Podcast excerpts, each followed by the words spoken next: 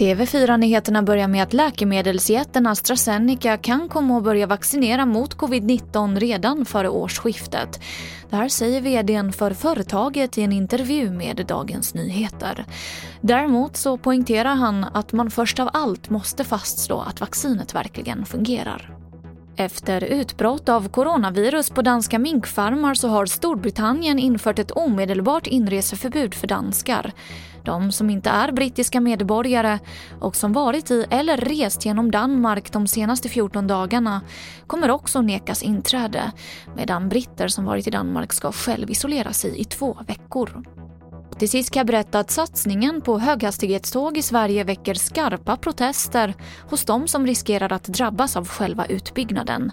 I exempelvis Borås har 700 personer gått samman för att försöka stoppa den planerade järnvägssträckningen. Sara Distner är programchef vid Trafikverket Göteborg-Borås. Ja, men det är ju en, en oro som vi både förstår och har stor respekt för.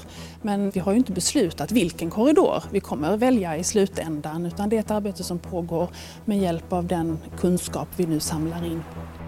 Och det var det senaste från TV4 Nyheterna. Jag heter Emily Olsson.